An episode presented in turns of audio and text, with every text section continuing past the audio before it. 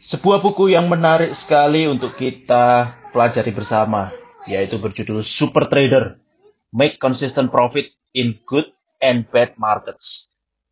Siapakah pengarangnya? Van K. Traps, PhD.